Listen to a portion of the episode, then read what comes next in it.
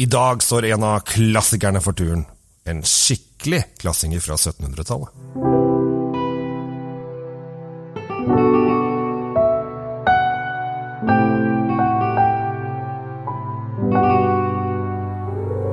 Hei og hjertelig velkommen til Kjells vinkjeller. I dag skal vi til en eh, ordentlig klassiker av en italiensk eh, vin.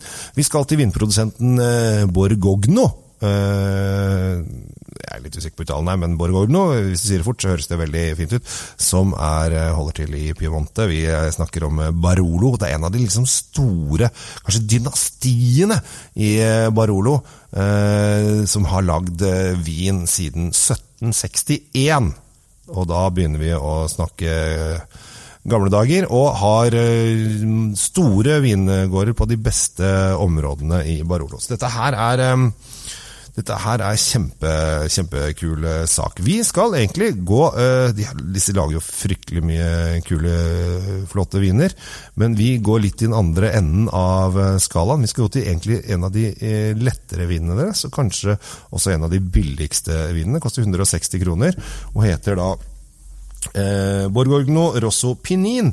Pinin er en bitte, bitte liten eh, vingård, og uti der, eh, om jeg ikke husker feil, så er det en kar. Eh, som en gammel, gammel, gammel fyr som har lagd eh, litt uh, vin på sitt område.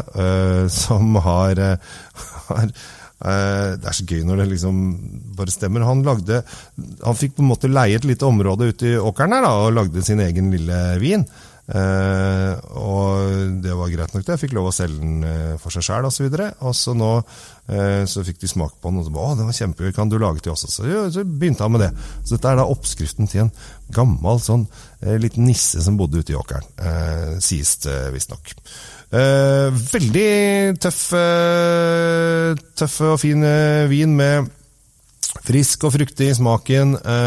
Og den sitter godt og lenge i munnen. Eh, her er det mørke bær. Men altså, det er ikke sånn tung, tung vin. Det er en sånn eh, tung lettvin, hvis det gir noe mening. En tung lettvin eh, som er, eh, er behagelig. Eh, det er liksom ikke den der bom, det er ikke bomba. Men en, eh, mer en lettere, lettere tungvin.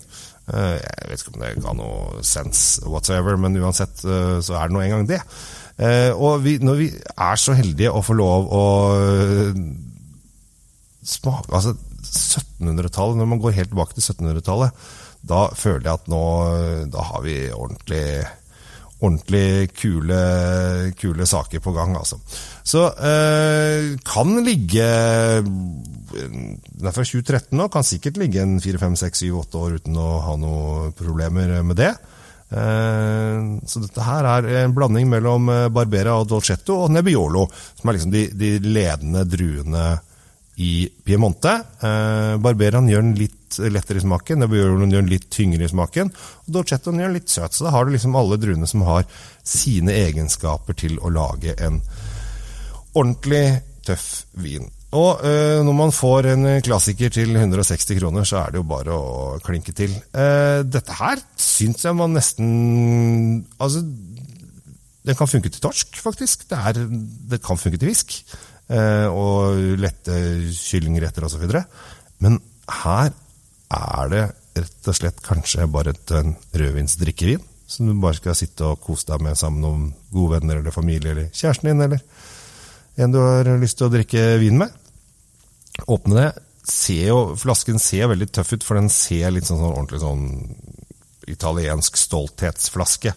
Med litt sånn våpenskjold på sida, og i flasken er det trykt inn våpenskjold osv. Så, videre. så dette her er um, helt klart eh, toppsaker fra eh, Barolo, som vi nordmenn er veldig glad i. Og Barolo er, betyr kongens vin.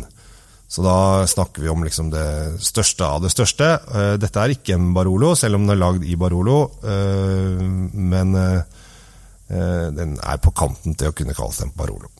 Så da vet du det. Og da er det bare å si eh, kos deg med denne vinen. Jeg heter Kjell Gabel Henriks. Ha en fin eh, dag videre. Eh, takk for at du hytter på min podkast, og så håper jeg vi høres igjen. Ha det bra!